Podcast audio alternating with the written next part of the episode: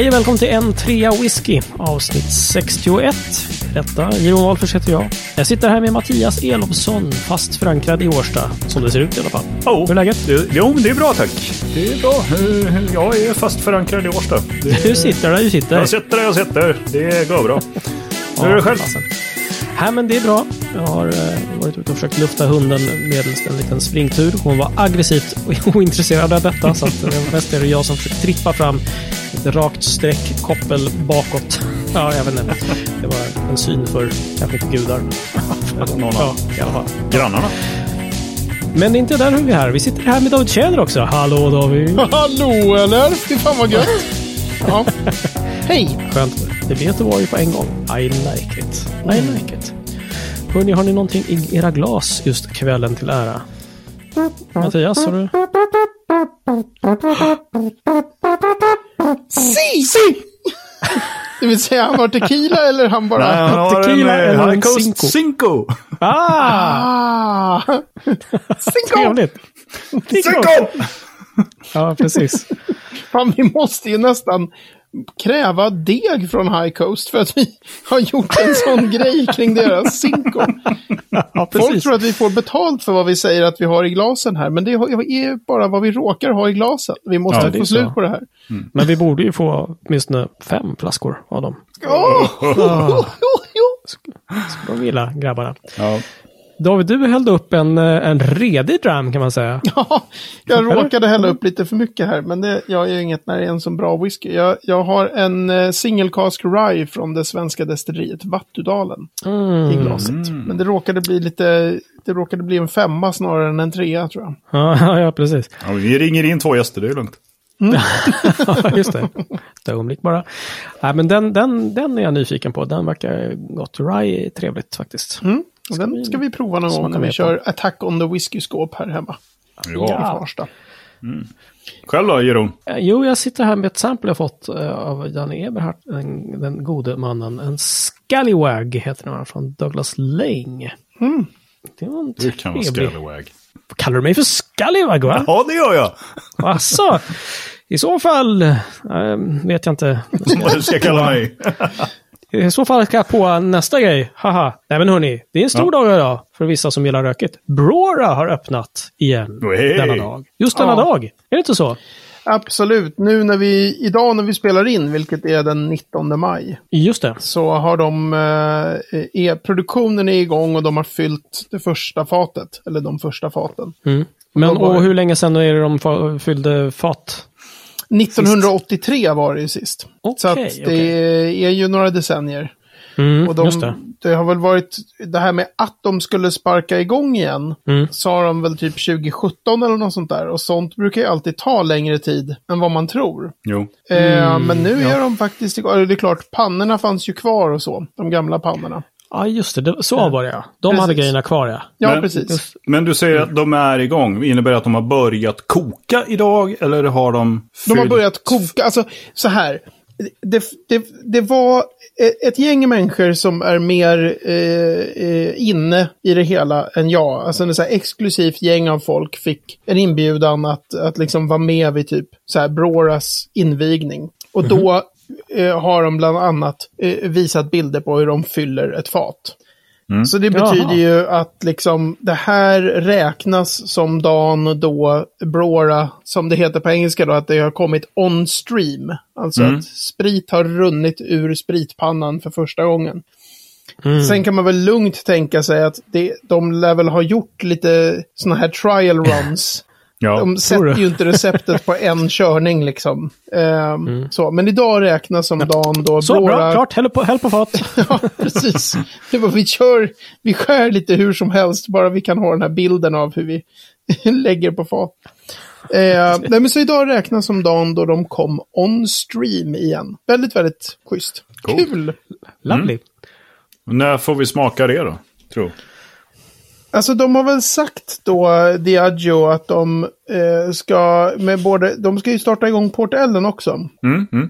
Eh, och då har de väl sagt att planen är att, att släppa både Port Ellen och Brora som typ 10-12-åring, något sånt. Okej. Men det, de lär väl också göra några sådana här mindre releaser. Det är ju, det är ju verkligen så här no pressure på de här destillerierna. För de är ju båda två helt legendariska. Så Mm. om de liksom, om de inte har verkligen gjort allt de kan för att, för att köra den old school-stilen. Alltså det har ju, whiskyproduktion har ju förändrats jättemycket på 40 år. Mm. Rent Ja, ja, tekniskt visst. hur Ja. man gör. Det har ju Ja. hänt hur mycket som helst. Eh, och det finns ju ingen mening liksom, alltså alla fans är ju fans av hur det smakade förr. Ja, jo. Man kan liksom Mm. inte ta Brora och bara, nej men nu är den orökig och lite lätt och... Jaha. Alltså, Just det, just det. Lite Brora har ju för sig varit både rökig och orökig genom sin historia. Så den har Port Mm, okej. bara varit rökig. Men det, det gäller ju liksom att, alltså om, om det de släpper, när de väl släpper whiskysen, om det Mm. inte är typ helt fantastiskt, ofattbart, sjukt extra bra, då kommer ju alla vara så här, fan vad värdelöst, hur de, varför öppnade de det här igen? Alltså, det kommer ju vara sånt extrem tryck på att det måste vara fantastiskt. Ingen press. Nej, Ja, verkligen, verkligen ingen press. Nej, nej. Men, eh, men vi kommer väl återkomma då i avsnitt 582 eller någonting sådär. Om hur det smakar. Smaka lite, ja precis. Ja, precis. Ja, fast har vi tur kan vi komma över en flaska Newmake eller någonting. Det som är så gott. Man kan också åka nu till, till Brora och få en visning av destilleriet för 300 eller 500 pund. Och då, får, då ingår att man får smaka lite buteljerad Brora samt nosa på Newmaken. Fan vad värt! alltså, bra, Alltså. nosing, a nosing så här, okej, man får inte smaka Newmaken för den Nej, är nej. så väldigt special. 300 pund. så, men jag trodde först att det bara ingick en nosning av Newmaken och ingen gammal Brora. Jag tänkte så här, 300 pund. Ja, det var ju rimligt. Ja. Nej, Verkligen så. jag är ledsen. Det, det, är det är faktiskt ju nästan vad jag skulle betala för att få slippa smaka på skiten. Ja, nej, det är det, men det är ju är det jätteroligt. Det är ju verkligen ett legendariskt destilleri, Mm. Jag har bara provat kanske tre, fyra Brora. Mm. Eh, Så, men det finns ju de som har varit med i, i whiskysvängen längre än jag, som, som minns en tid när de, när de inte bara var liksom investeringsobjekt, de där flaskorna, utan att man faktiskt drack dem. Ja, Eh, och det David. jag har provat har varit amazing. Så att, Yes. Ja, men kul. Så att vi följer som sagt upp det här i, om några hundra avsnitt. Det blir kanon. absolut. Vad kul vi ska ha.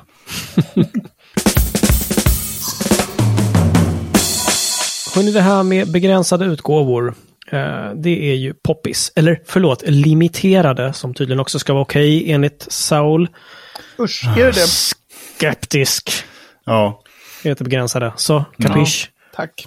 Det här är min spirit of VM. Liksom. Limiterade utgåvor. Nej, usch. Surra Usch, säger jag bara. Jo, nej men det, det här släpps ju hela tiden. Begränsade släpp på, och små släpp och, och unika släpp och så vidare. Men hur är det egentligen med det här? Alltså, vi har väl också åter till våra gamla boxflaskor som står och möglar i sina kartonger. Med så här. Eh, hur är andrahandsvärdet på de här? Det pratas ju ofta om. Eh, Whisky som investering är ju förstås allt mer poppis. Men hur ser det ut David med det? Med liksom, är det värt något eller kostar det något? Eller? Kastar det något eller? Kasta gör du det, men Alltså är det, det värt något? två, det finns ju två, eller det finns massor saker. Det här skulle man kunna prata om hur länge som helst. Och jag är ju, alltså tills, om vi hade pratat med mig för typ två år sedan, då hade jag ganska bra koll på andrahandsvärdet och, och priser på flaskor och sådär. Jag följde med ganska bra av rent intresse. Nu på sistone har jag börjat känna så här, att jag skiter i det. Alltså, ja, men jag har inte köpt Ja. så mycket. Jag, jag, nästan all whisky jag har köpt har jag köpt för att jag gillar whisky. Och sen finns det några flaskor. Eh, Lars skickade mig någon länk till det. Fanns en, en Rosebank, 21-årig Rosebank som jag köpte några av. Som verkligen var så här, de här köper jag bara för att, för att sälja någon gång framöver. har du gjort det då? Eh, nej, det har jag inte gjort. Jag har druckit upp en av dem. Eh, En av Okej. tre har jag liksom delat upp med vänner och sådär. Men två har jag kvar. Han skickade någon länk liksom. Den kostade nu 7000 pund. jävlar. flaska. Pund! 7000 pund. Jag köpte dem där för typ Oh. kanske 2000 eller något sånt där. Kronor alltså. Fucking nej. Så det var ju en bra Oj. investering. Men, Ja, det kan men alltså, på det stora hela, det är typiskt att liksom han håller koll och bara... Eh, dig. här, se här hur den går. Jag bara, oj, ja, det var ju roligt. alltså jag håller, jag håller inte koll längre. Men, Men jag tar med kolan så kommer jag över så Ja, precis. häller vi upp en. Ja, det är en typisk sån, när man känner så här, jag har inte råd att öppna flaskan, som en del brukar säga. Ja, När ja. man har köpt någon för... Nej, men alltså det luriga med, med andrahandsvärde tycker jag är så här, de, de som håller bättre koll på det än jag, och, och det finns de som också är mycket bättre, alltså, eller som använder whisky mycket mer som en aktiv investerings... Mm, just det. Som en investeringshobby liksom. Mm, mm. Eh, det, som, det som händer, alltså jag råkar, det råkar ju vara så att jag har fyra terminer ekonomisk historia i bagaget Mm. av, av heltidsstudier. Så jag kan ju eh, en del om liksom börsers uppgång och fall och ekonomiers uppgång och fall historiskt Mm, och sådär. mm. Eh, och det man kan säga med, med säkerhet är att det finns ju ingen, det finns ingen vara någonsin som inte vid, vid någon punkt har varit en bra investering och vid någon annan punkt i historien har varit en usel investering. Ja, du, jag har ett parti på tulpanlökar här. Är Ja. någon som är sugen på kanske några spänn? Det är ju den mest kända liksom, tulpan, Ja, eller hur? tulpanbubblan. så. Ja. Och nu har ju folk sagt om whisky i ganska många år att det är en bubbla, det är en bubbla, den kommer liksom, den kommer spricka, den kommer spricka. Och, sådär. och jag har sagt det också, den kommer spricka. Mm. Så. Men för det som är lurigt med andrahandsvärdet på flaskor idag, det är ju att man måste fråga sig så här, vad, vad år 2020 driver priserna fortfarande uppåt? Mm. Därför att om du köpte en, säg att du köpte en flaska eh, Ardbeg 17-åring, liksom år 2000. Då var det yes. inte så många som investerade i whisky och det var inte så många som samlade på whisky och det var hela communityt av whiskymänniskor var mycket, mycket mindre. Mm. Mm. Yes, Och så absolut. ökar du alla de människorna jättemycket och så vill alla ha en sån där gammal 17-årig Ardbeg. Liksom. Eller just det. Ardbeg. Our bag. Eh, och det gör ju att priset nu är sinnessjukt mycket högre än vad det var år 2000. Ja. Och då är det ju så med väldigt många utgåvor så här, att de, har liksom, de stiger och stiger och stiger och stiger i pris. Mm. Och, och det ger en illusion till människor av att priserna alltid kommer att stiga. Precis som med eh, bostadsmarknaden. Folk tror Ja, liksom just att, så här, men, att köpa en lägenhet i Stockholm är alltid en skitbra affär. För de stiger Mm, ju alltid. Ja, nej, det gör de inte alls.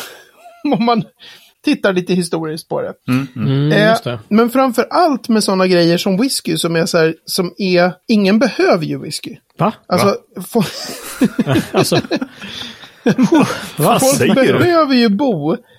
Så en, en, Ja. en bostad, alltså en, att köpa en bostad i Stockholm och ha den i typ 50 år. mm. Det, det ska jävligt mycket till för att det ska vara en dålig investering. Om man, är, om man har lång tid Mm, liksom.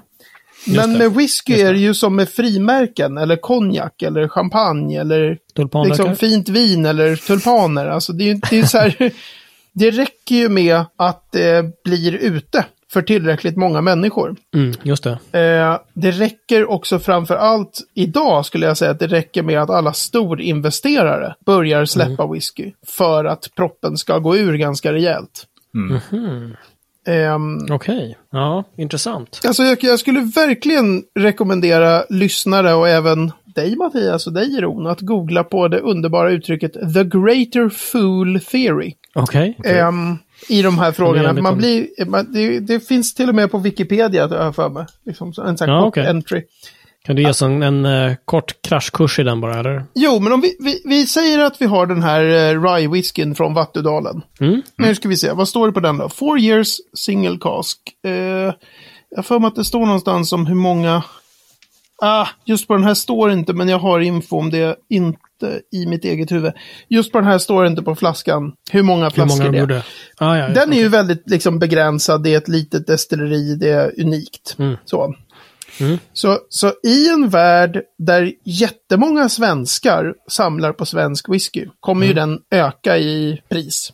Ja, visst. Men till sist så når man en punkt där folk slutar köpa whiskyn för att konsumera den. Och också slutar köpa whiskyn för att ha den. Utan man kommer till en punkt där alla köper whiskyn bara för att sälja den någon gång längre fram. Och det Ah, kallas the greater fool theory. Alltså jag köper förvisso nu, uh, Yamasaki 18 är ett jättebra exempel på det.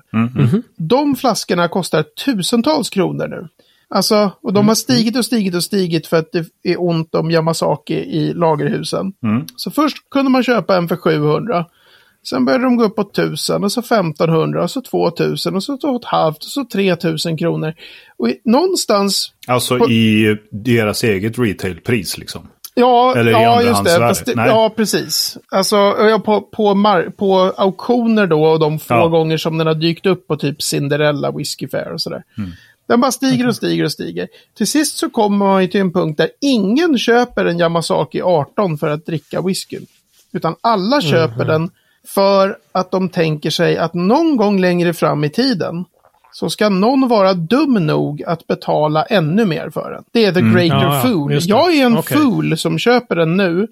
För den är fan inte liksom 3000 kronor god. Det är en sjukt bra whisky. Men jag som köper 10 flaskor av den för 3000 kronor.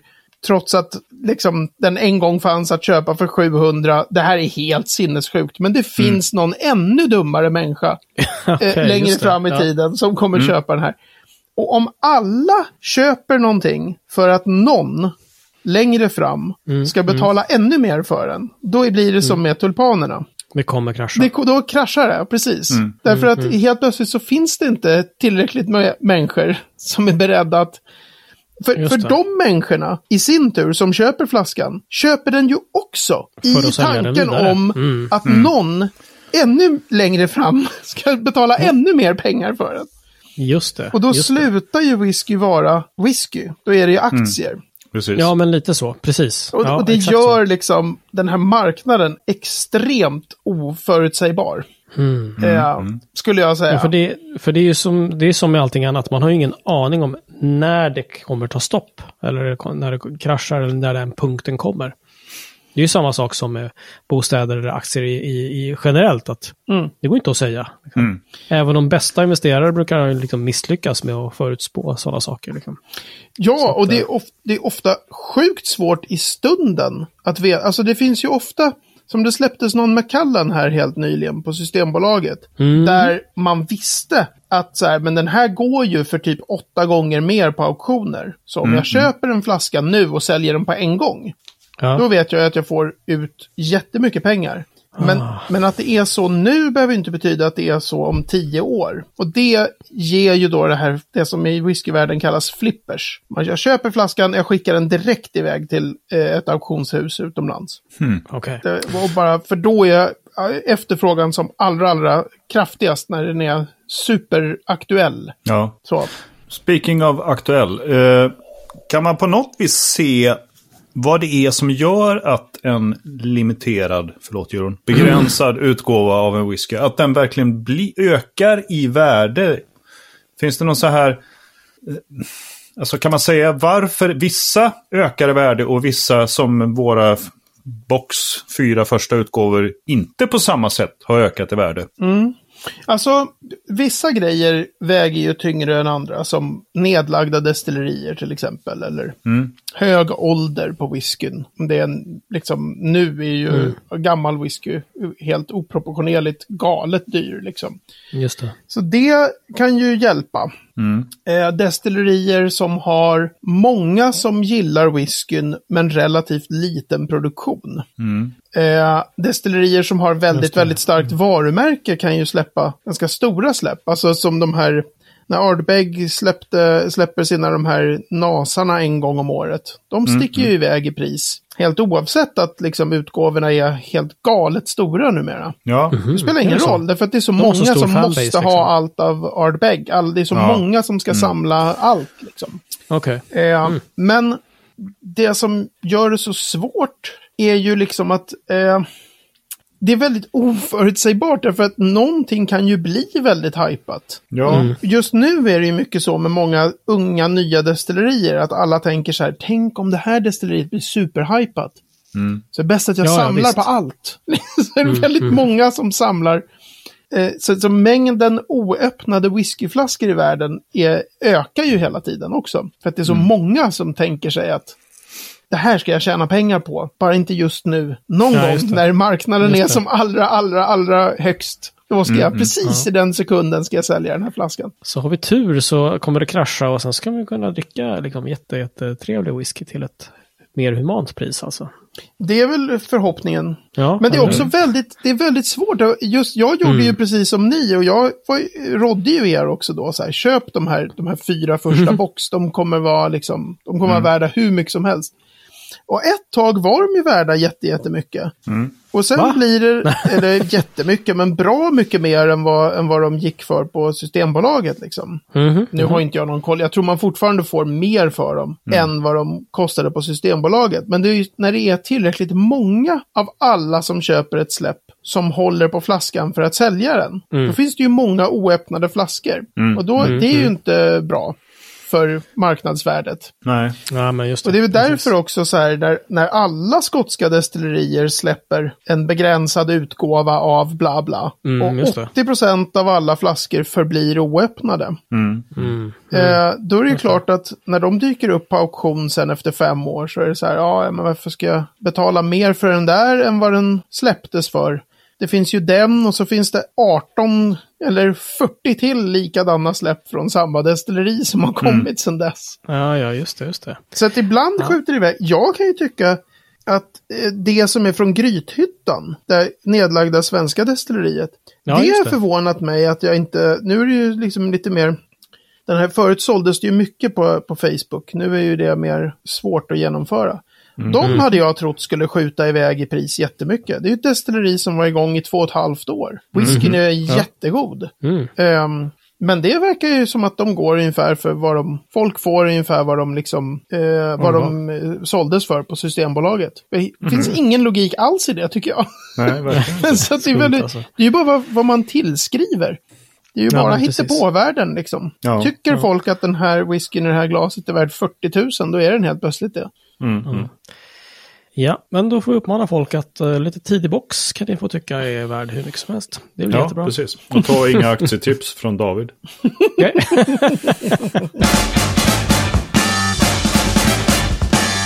Det har blivit dags denna kväll till ära att prata om veckans ord, faktiskt.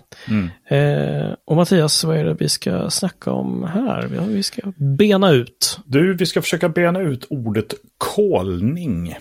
Mm. Vad det är. Det har något med faten att göra. Om jag inte minns rätt. Ja, visst. Och eld. Fat och eld. Ja, var det inte någon gammal eh, just Art Bag som vi gillade som eh, de skulle ha kolat faten ordentligt som kallas för Alligator? Just det. Just det. Och nu har Mm. de ju släppt en ny som heter Scorch. Som folk verkar tycka är väldigt bra. Jag köpte ingen för egen del. Mm. Eh, men som också var så här. Ardbegs senaste story är så här typ uh, the, the totally not made up fire breathing flavor dragon om Ayla. som gjorde Ja, de här faten. eh, nej men kolning är ju alltså att man, som om man tar bourbon måste lagras i kolade fat. Eh, Jaha, okej, de måste vara kolade. De det måste vara Det här har vi kolade. pratat om. Precis, så alla, ja, okej. om, man, om det är så här, det här är gamla bourbonfat, då vet man att ja, men det är kolade fat. Mm. Rödvinsfat är på det stora hela eh, rostade, inte kolade. Om de inte är så kallade STR-fat, men det kan vi ta en annan dag. Eh, Jaså? men eh, kolning är helt enkelt att du sätter eld på fatet i Mm. x sekunder. Ja. Ehm, och då blir det ju liksom ett... Eh, eh, insidan av fatet ser ju ut som, eh, som kol helt enkelt. Ungefär som, Just det. inte briketter utan vad heter det, grillkol. Grillkol, ja, precis. Men du, skillnaden på rostning då? Hur gör man med det? Är det varmluft eller någonting? Man... Nej, då eldar man fast man har massor eh, ekspånsskräp som, som brinner lite mer som en stillsam eld eh, hos tunnbindaren. Och så använder okej. man det för, om du kommer ihåg när vi skulle till, till båten, när vi skulle basa någon bit och böja träet, så alltså man rostar gör Ja, man för absolut. att få till den här stavböjningen. Liksom. Mhm. Eh, medan kolning gör man som en ren doft och smak. Smaksättning, ja okej. Ja, precis. Okej, det svarar lite på min tänkta fråga. Så här, varför kolar man? För att det är kul. Ja, jo, det är kul med eld och så, men... ja. Precis. Precis. Elda We got mer. some wood. What would you do? What Men det är väl- we do with it? det är väl Burn med- it. Det är väl med det som är så väldigt mycket. Det är som det här så här. Varför lagras whisky i just ekfat och inte av andra träslag? Och så här, ja, men genom Mm. århundradena så har man ju märkt att ja, men det där blev ju bättre. Ja. Mm, Och, precis. och sen så finns det bara såna här, finns stories från USA om hur det bara, det bara råkade bli så att något, den och den snubben råkade sätta eld på ett fat och det blev jättegott och så här, man bara, ja, ja. Marknadsföringspratet så här, man har märkt att det, det här funkade. Men alla fat som det lagras whisky i, är, är de kolade? Nej, därför att eh, sherryfat till exempel är också bara rostat. Ja. Eh, så de är, det är inte kolade fat. Bourbonfat Men används några fat som är helt obehandlade? Nej, det, det blir inget bra. Nähä? Nej. För att... Nej, men alltså, varför då? Nej, men det är ju så här också att om du både om du rostar och kolar eken så ändrar du ju dess kemiska sammansättning. Och precis som att du använder eh, såna här kol för att filtrera saker och ting så funkar ju Eh, om man pratar om aktivt kol och så, så funkar ju kolad ek filtrerar och alltså, eh, påverkar doft och smakutvecklingen på spriten mycket, mycket mer. Jag förstår. Eh, så det blir helt enkelt godare. Så, att- Och det är ju också samma sak där. Så här. Man har förut haft till exempel bottnarna på faten då, av helt obehandlad ek. Mm, mm. Och så har man märkt att det här var ju inget vidare. liksom. så att det, är- det är ju trial and error så. Ja, ja. Men sen finns det ju ja, med kolning, det så finns det ju den här Alligator Mm. mm. Ardbeg-utgåvan. Det är ju för att det finns en kolning av fat som heter Alligator. Mm. En, en, är- en grad av kolning alltså? Ja, precis. Alltså det, man pratar om så här char levels, kolningsgrader. Ja. Just Och då det. kanske det finns så här char 1, 2, 3, 4 alligator. Alltså när Ah. insidan av fatet är så hårt kolat så att det ser ut som alligatorskinn. Mm. Mm, Det är just så det. buckligt liksom. Ja. Okej, okej. Eh, Men vad tillför det här för smaker? För att alltså, rök har vi ju lärt oss, det kommer ju från malten. För man kan ju inbilla sig annars att du eldar på ett fat som fasen. Ja, det är där röken sitter. ja, just det. Nej, det ju inte. precis. Alltså, det är väl snarare om det är amerikansk ek, som det ju Mm. eh, är i bourbonfaten, så ger ju kolningen en mycket kraftigare, just av kola. Kolning och kola kan man tänka. Oh, och även vanilj blir mycket kraftigare eh, av att man kolar istället för att rosta. Ja, ja. Okej. Eh, men framför allt så går lagringen väldigt mycket fortare. Det blir, de blir, faten blir mer aktiva än andra fat. All right. Och de är också, om man använder, som till exempel då Box, som vi har pratat om mycket här, eh, men även andra svenska destillerier, använder en del ny amerikansk kolad ek, alltså att det inte har legat bourbon på den innan, utan helt färsk. Det, är ju- De faten är ju ännu mer aktiva liksom. Så vill man Ah, få okej. sin whisky färdig fort, då kan man köra ny ek, kola den Ja. och sen så säger det zoom och sen så har man färdig whisky. ja okej, okej. Mm, Okej. Ja, det kan man ju tänka sig att många destillerier ägnar sig åt i dessa dagar när det öppnas många nya och de såklart vill sälja sin sprit så fort det går. Ja, det är väldigt ovanligt i Skottland fortfarande dock. Det är väldigt Jaha. liksom icke-traditionellt skotskt. Okej. Eh, så de, eh, det, det finns sådana utgåvor, men de drar sig för. De tycker liksom inte att det är i linje med hur scotch brukar eh, dofta och smaka. Så. Okej. Ser man? Okej. Veckans destilleri är faktiskt någonting som jag tror, Mattias, är ganska enkelt att uttala. Säg inte det. Jag kanske ska ta det själv. Gör det. Förresten, Prova. nej.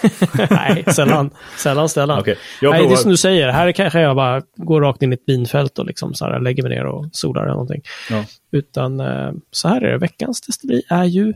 Skapa. Ah, Skapa! Det är ett klassiskt Nej, destilleri. Nej, det heter inte Skapa. Försök inte. Could Eller you be the castle of Skapa?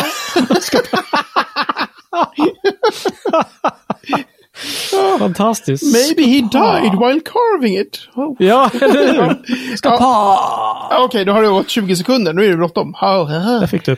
Skapa är ett destilleri på ön Orkney och är lite elakt känt som The Other Distillery on Orkney. Därför att eh, Highland Park är ju det kända Orkney-destilleriet.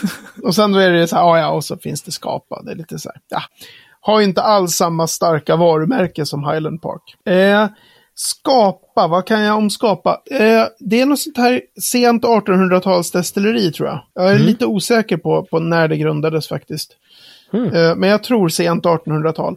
Eh, det är känt därför att det finns en grej som vi kan ha pratat om i den här podden någon gång som heter Lomondpanna. De hade deras mäskpanna var tidigare en Lomondpanna, en väldigt speciell typ av panna som hade såna här rektifieringsplåtar i svanhalsen. Så en sån här blandning av kolonnpanna för graindestillering och traditionell kopparpanna. Eh, Men sen har de tagit bort de där rektifieringsplåtarna här och den där. Så den ser, man kan, man, vi ska se om vi kan skaka fram någon bild på, så här, skapa wash still. Den har Okej. väldigt speciell konstig form. Okej. Eh, okej. Skapas mäskpanna. För det är en gammal eh, Lomondpanna. Eh, Right here. Right here. skapa var i... Ah! Orökigt. Ah! Traditionellt Ja, är det orökigt, men numera Ja. så finns det också någon sån här lättrökt NAS-variant.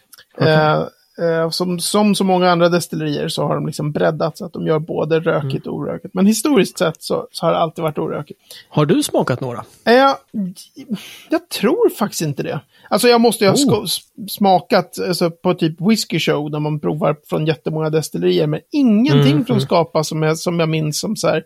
De hade en 16-åring i sin core range som ingen överhuvudtaget någonsin dök upp på sociala medier som en sån här att folk pratade om den. Sen drogs den in och ersattes av en NAS. Och då började alla bara, åh nej, så här, åh, jag som alltid har älskat. Skapa 16. Man bara, jag har inte sett det i något socialt flöde på liksom fyra år. Okej. Okej. Mm. Eh, det ägs, just det, det ägs numera av eh, Pernod Ricard. Alltså Chivas Regal är ju då själva deras dotterbolag. De äger Mm. Skapa. De har inte ägt det särskilt länge tror jag. De köpte det för inte jättelänge sedan. Tre minuter! Oh. Ah. Spännande. Spännande. Ja, vi ser om vi kan... Jag kan komma med lite trivia. Mm. I mitten på 80-talet, början på 90-talet, så fanns det ett band i Uppsala som hette Skapa Flow. Jaha. Ingen aning om det hade någonting med Skapa Flow är, är, är um, eh, den här viken som Skapa ligger i. Aha. Och det, är man. Ja, finns fan. någonting kring, eh, eh, om det är några så här tyska, de sänkte massa båtar, tyska båtar under andra världskriget där, att det ligger i Skapa Flow. Mhm. Ah, okej. Eh, så det Okej. finns någon sån andra världskriget historia om destilleriet, Ja, okej. eh, som jag inte kommer ihåg i detalj nu, men ja. Där Se ser om vi kan länka. För så här är det att eh, oavsett om vi är i ett flow eller inte så tänkte jag att nu har vi snackat så länge så nu stänger vi den här skiten. Så det är så. nu räcker det! Ja, Nog nu nu. får det vara nog. Nu säger nu pappa, kommer Socialstyrelsen och säger att på ndriawhisky.se 61 kan ni läsa mer om skapa och andra grejer som vi har pratat om. Kolning till exempel, andrahandsvärde på begränsade utgåvor. Inte limiterade, observera, utan begränsade. Och ett Brewer öppnar idag. Hurra! Gratulerar. Så det är så. Även på facebook.com n3whisky så hittar ni oss. Tack för det. Eh, tack för ikväll, mina herrar. Det var trevligt att se er igen. Ja, men tack själv då, hörru. Ja, tack själv. Schysst är det, schysst är det. Du, eh, vi ses om en vecka. Vi. Jävlar vad han är effektiv och ska klippa här nu. Ja, hej då, hej då! Ja, hej då, hej då. He- Hej då med stress. Ha det gott. Hej, hej.